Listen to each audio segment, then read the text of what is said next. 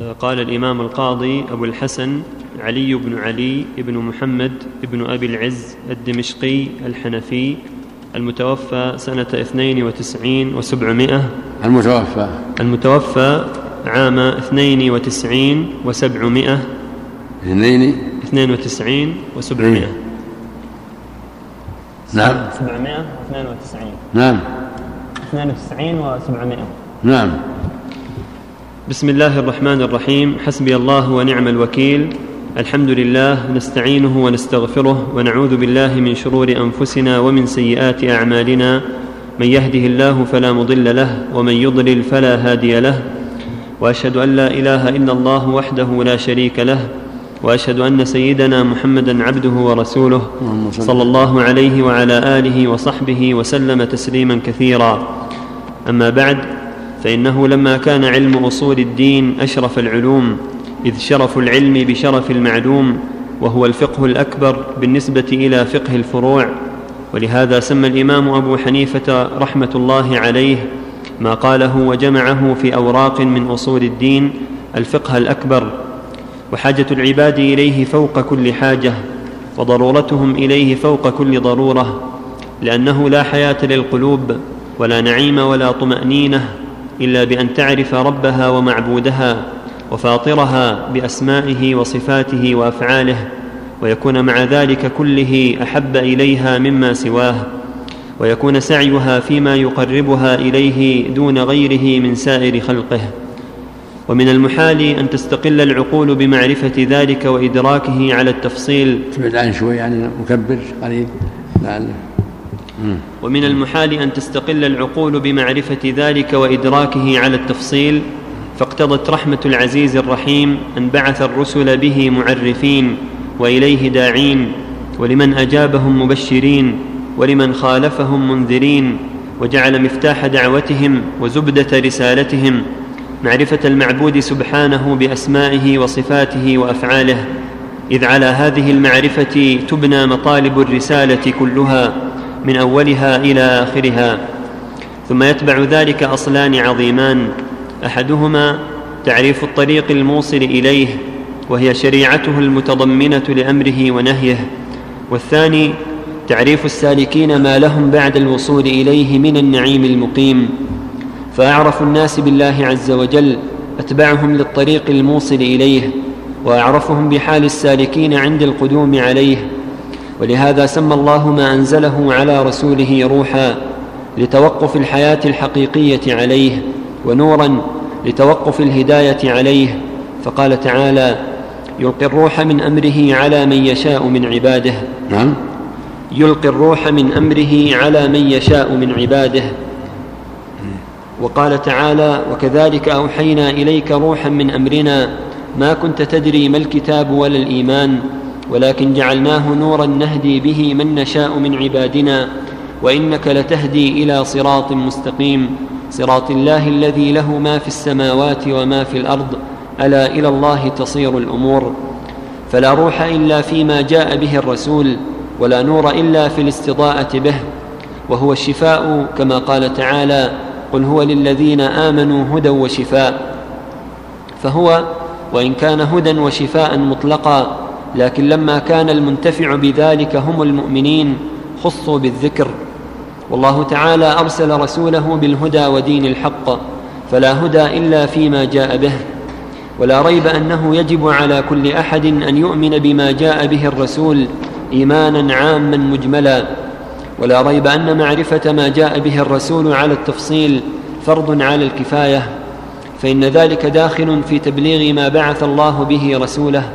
وداخل في تدبر القرآن وعقله وفهمه وعلم الكتاب والحكمة وحفظ الذكر والدعاء إلى الخير والأمر بالمعروف والنهي عن المنكر والدعاء إلى سبيل الرب بالحكمة والموعظة الحسنة والمجادلة بالتي هي أحسن ونحو ذلك مما أوجبه الله على المؤمنين فهو واجب على الكفاية منهم.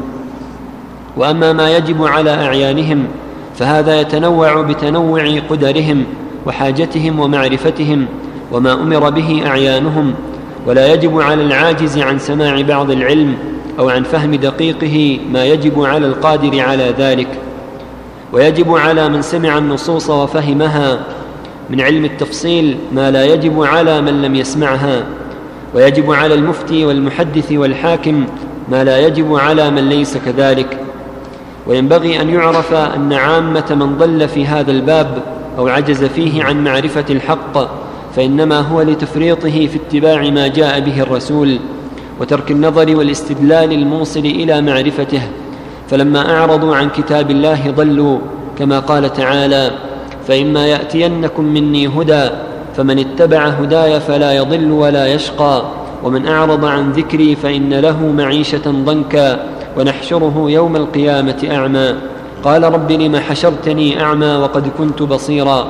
قال كذلك أتتك آياتنا فنسيتها وكذلك اليوم تنسى. قال ابن عباس رضي الله عنهما تكفل الله لمن قرأ القرآن وعمل بما فيه الا يضل في الدنيا ولا يشقى في الآخرة. ثم قرأ هذه الآية. وهذا من رحمة الله جل وعلا. فإن الله خلق الخلق ليعبدوه بعث الرسل لهذا الأمر العظيم وجعل دينه طريقا إلى الجنه والاعراض عنه طريقا إلى النار. فوجب على المكلف أن يتعلم من دينه ما لا يسعه جهله حتى يعبد الله على بصيره وحتى يؤدي ما أوجب الله ويدع ما حرم الله. فهذا الطريق هو الموصل إلى الله وإلى جنته هو اتباع شريعته. اتباع القرآن الكريم والسنة المطهرة. ومن أعرض عن ذلك ولم يرفع به رأسا صار إلى النار. فالله بعث الرسل وأنزل كتب لبيان حقه على عباده. هو سبحانه أوجب عليه الحقوق. أخذ بهذا الواجب وأداه فله الجنة والكرامة. ومن حاد عن ذلك وأعرض فله الخيبة والندامة. فالطريق إلى الله هو اتباع الرسل والسير على منهاجهم والتمسك بما جاءوا به. وتعلم ذلك والبصيرة فيه فرض كفاية. لكن على الفرد أن يتعلم ما لا يسعه جهله. على كل فرد أن يتعلم ما أوجب الله عليه وما لا يسعه جهله.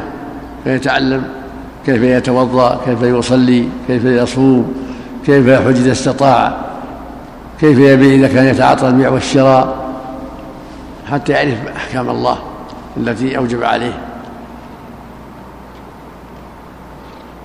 وأما معرفة أمور الدين على العموم هذا فرض كفاية. لابد يكون في في العلماء من يعرف أحكام الله على العموم حتى يعلمها الناس.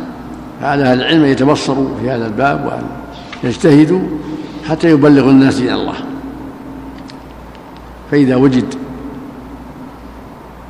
في البلد أو في القبيلة من العلماء من يعلمهم ويوجههم صار ذلك في حق الباقين سنة. لأن هذا قام بالواجب في تعليمهم وتوجيههم إلى الخير. لكن في حق كل واحد يلزمه أن يعرف ما وجب الله عليه وما حرم الله عليه. كل واحد يتعلم ما أوجب الله عليه وما حرم عليه حتى يؤديه على بصيرة. لأنه خلق لهذا خلق ليعبد الله. ولا طريق لعبادة الله إلا بالتفقه والتعلم. ولهذا يقول صلى الله عليه وسلم من يريد الله به خيرا يفقهه في الدين.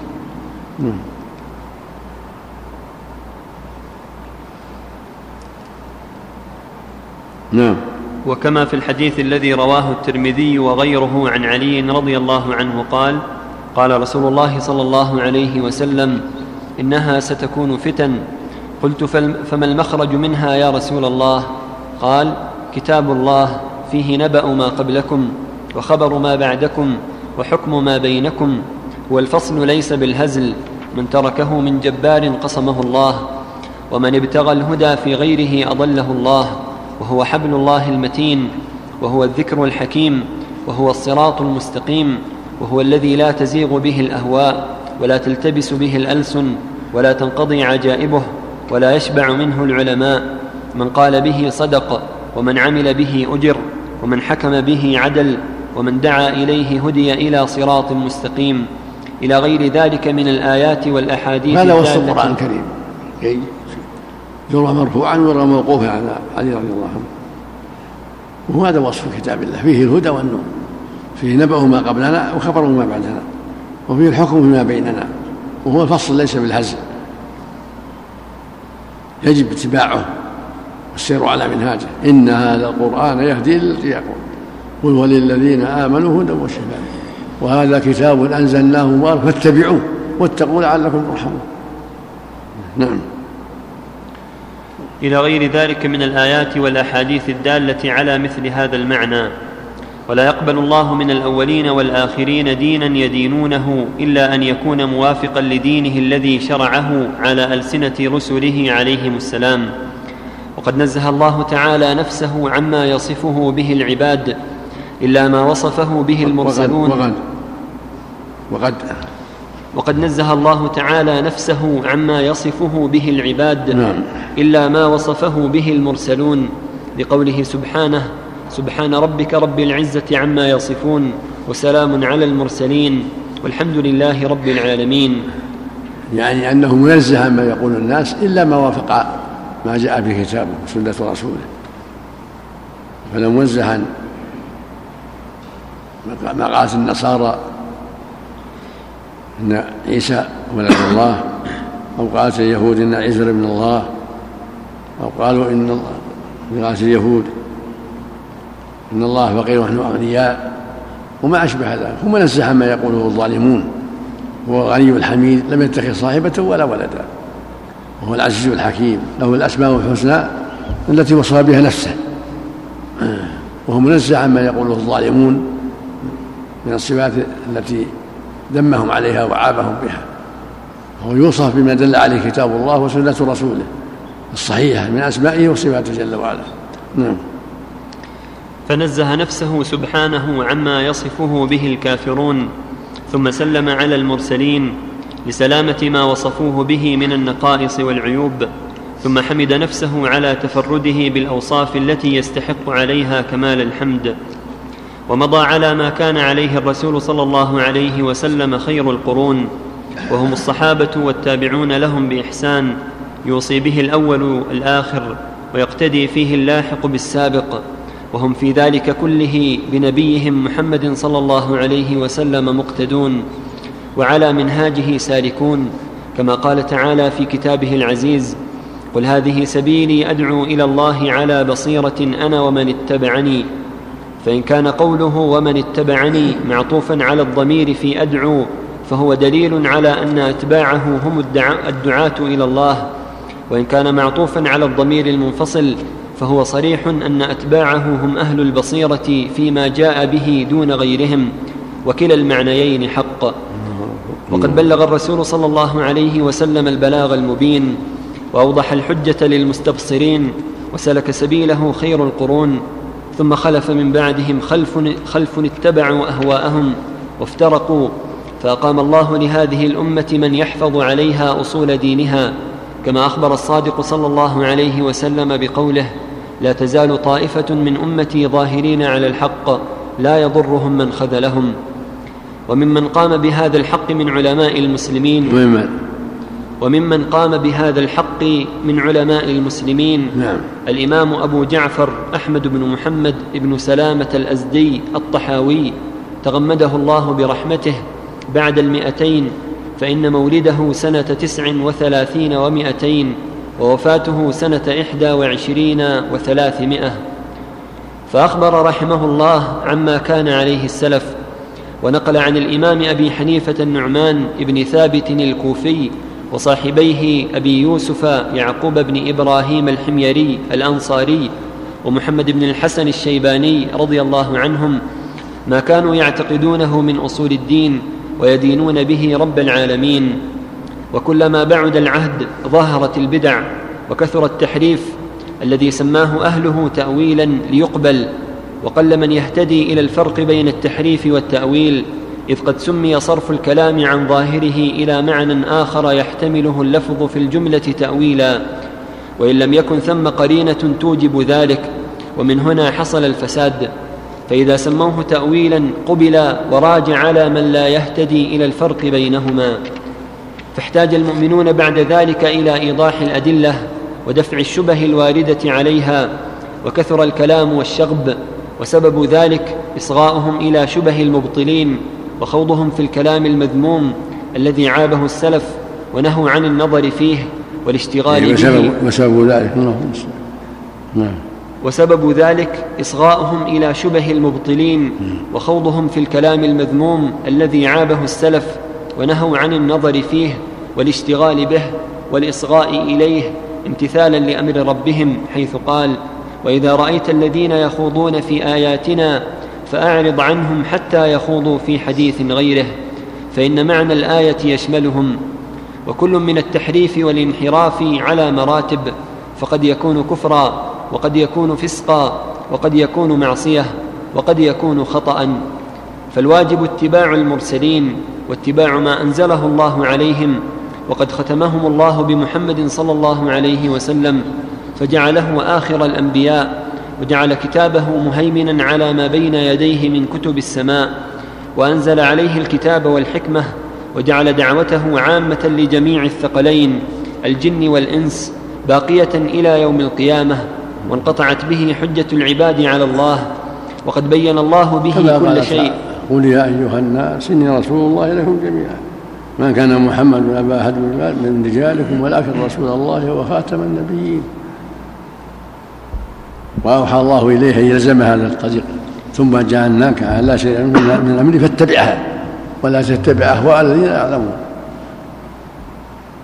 فعلى الأمة أن تتبع هذا الطريق. وما آتاكم الرسول خذوه عنه فانتهوا. إن هذا القرآن يهدي التي هي أقوم وهذا كتاب أنزلناه فاتبعوه واتقوا لعلكم ترحمون. هذا هو الطريق. لزوم هذا الكتاب ولزوم السنة. هذا هو الطريق الذي به النجاة ومن حاد عنهما هلك. نعم. وقد بين الله به كل شيء وأكمل له ولأمته الدين خبرا وامرا وجعل طاعته طاعة له ومعصيته معصية له وأقسم بنفسه أنهم لا يؤمنون حتى يحكموه فيما شجر بينهم. الله. وأخبر أن المنافقين كما قال تعالى فلا وربك لا يؤمنون حتى يحكموك قال جل وعلا قل يا أيها الناس إني رسول الله جميعا الذي له ملك السر لا إله إلا هو يحيي ويميت فآمنوا بالله ورسوله النبي الأمي الذي يؤمن بالله وكلماته واتبعوه لعلكم تهتدون. فألزم اتباعه وأوجب علينا اتباعه. قال تعالى فليحذر الذين يخالفون عن أمره أن تصيبهم فتنة يعني شرك أو يصيبهم عذاب. وما آتاكم الرسول فخذوه وما نهاكم عنه فانتهوا. قل أطيعوا الله وأطيعوا الرسول وأحذروا. والنجم إذا هوى ما ضل صاحبه وما ينطق عنه. إن هو إلا وحي يوحى. من يطع الرسول فقد أطاع الله. نعم. اللهم وأخبر أن المنافقين يريدون أن يتحاكموا إلى غيره وأنهم إذا دعوا إلى الله والرسول وهو الدعاء إلى كتاب الله وسنة رسوله صدوا صدودا. وأنهم يزعمون أنهم إنما أرادوا إحسانا وتوفيقا. وكما يقوله كثير من المتكلمة والمتفلسفة وغيرهم إنما نريد أن نحس الأشياء بحقيقتها أي ندركها ونعرفها ونريد التوفيق بين الدلائل التي يسمونها العقليات وهي في الحقيقة جهليات وبين الدلائل النقلية المنقولة عن الرسول أو نريد التوفيق بين الشريعة والفلسفة. وكما يقوله كثير من المبتدعة من المتنسكه والمتصوفة إنما نريد الأعمال بالعمل الحسن والتوفيق بين الشريعة وبين ما يدعونه من الباطل الذي يسمونه حقائق وهي جهل وضلال. وكما يقوله كثير من المتملكة والمتأمرة إنما نريد الإحسان بالسياسة الحسنة والتوفيق بينها وبين الشريعة ونحو ذلك. وكل من طلب أن يحكم في شيء من أمر الدين غير ما جاء به الرسول ويظن أن ذلك حسن وأن ذلك جمع بين ما جاء به الرسول وبين ما يخالفه فله نصيب من ذلك. بل ما جاء به الرسول كاف كامل يدخل, في يدخل فيه كل حق وإنما وقع التقصير من كثير من المنتسبين إليه فلم يعلموا ما جاء به الرسول في كثير من الأمور الكلامية الاعتقادية. ولا في كثير من الأحوال العبادية ولا في كثير من الإمارة السياسية أو نسبوا إلى إلى شريعة الرسول بظنهم وتقليدهم ما ليس منها وأخرجوا عنها كثيرا مما هو منها. كلها بسبب الجهل والآراء الضالة ولا طريق إلى الله وإلى رسول وإلى جنته إلا من طريق الكتاب والسنة. أما آراء الناس من المتكلمين والخائضين بغير حق فهذه لا تسمن ولا تولي بل تضل الناس وإنما الطريق الذي يوصلهم إلى الجنة والسعادة هو طريق القرآن والسنة كتاب الله وسنة رسول الله صلى الله عليه وسلم. فمن تمسك بهما وسار عليهما وتفقه فيهما فقد أخذ بطريق الجنة. ومن تعلق بآراء الرجال ومقالاتهم ومذاهبهم وما أسسوه وما أوجدوه من آراء فإنه يهلك مع من هلك. نسأل الله العافية. لا حول ولا قوة إلا بالله. إن يتبعون إلا الظن وما تهوى الأنفس. ولقد جاءهم من ربهم الهدى. فلا طريق إلى الله وإلى جنته إلا من طريق الكتاب والسنة. اهدنا الصراط المستقيم. وأن هذا الصراط المستقيم فاتبعوه. وإنك لا تهدي إلى صراط مستقيم. ومن يطع الله والرسول فأولئك مع أنعم الله عليهم من النبيين والصديقين والشهداء والصالحين. وحسن أولئك رفيقا. نعم. فبسبب جهل هؤلاء وضلالهم وتفريطهم وبسبب عدوان أولئك وجهلهم ونفاقهم كثر النفاق ودرس كثير من علم الرسالة. بل البحث التام والنظر القوي والاجتهاد الكامل فيما جاء به الرسول صلى الله عليه وسلم ليعلم ويعتقد ويعمل به ظاهرا وباطنا فيكون قد تلي حق تلاوته والا يهمل منه شيء. وإن كان العبد عاجزا عن معرفة بعض ذلك أو العمل به فلا ينهى عما عجز عنه مما جاء به الرسول بل حسبه أن يسقط عنه اللوم لعجزه لكن عليه أن يفرح بقيام غيره به ويرضى بذلك ويود أن يكون قائما به وأن لا يؤمن ببعضه ويترك بعضه بل يؤمن بالكتاب كله وأن يصان عن أن يدخل فيه ما ليس منه من رواية أو رأي أو يتبع ما ليس من عند الله اعتقادا أو عملا كما قال تعالى ولا تلبسوا الحق بالباطل وتكتموا الحق وأنتم تعلمون. وهذه كانت طريقة السابقين الأولين وهي طريقة التابعين لهم بإحسان إلى يوم القيامة. وهذه كانت طريقة السابقين الأولين وهي طريقة التابعين لهم بإحسان إلى يوم القيامة.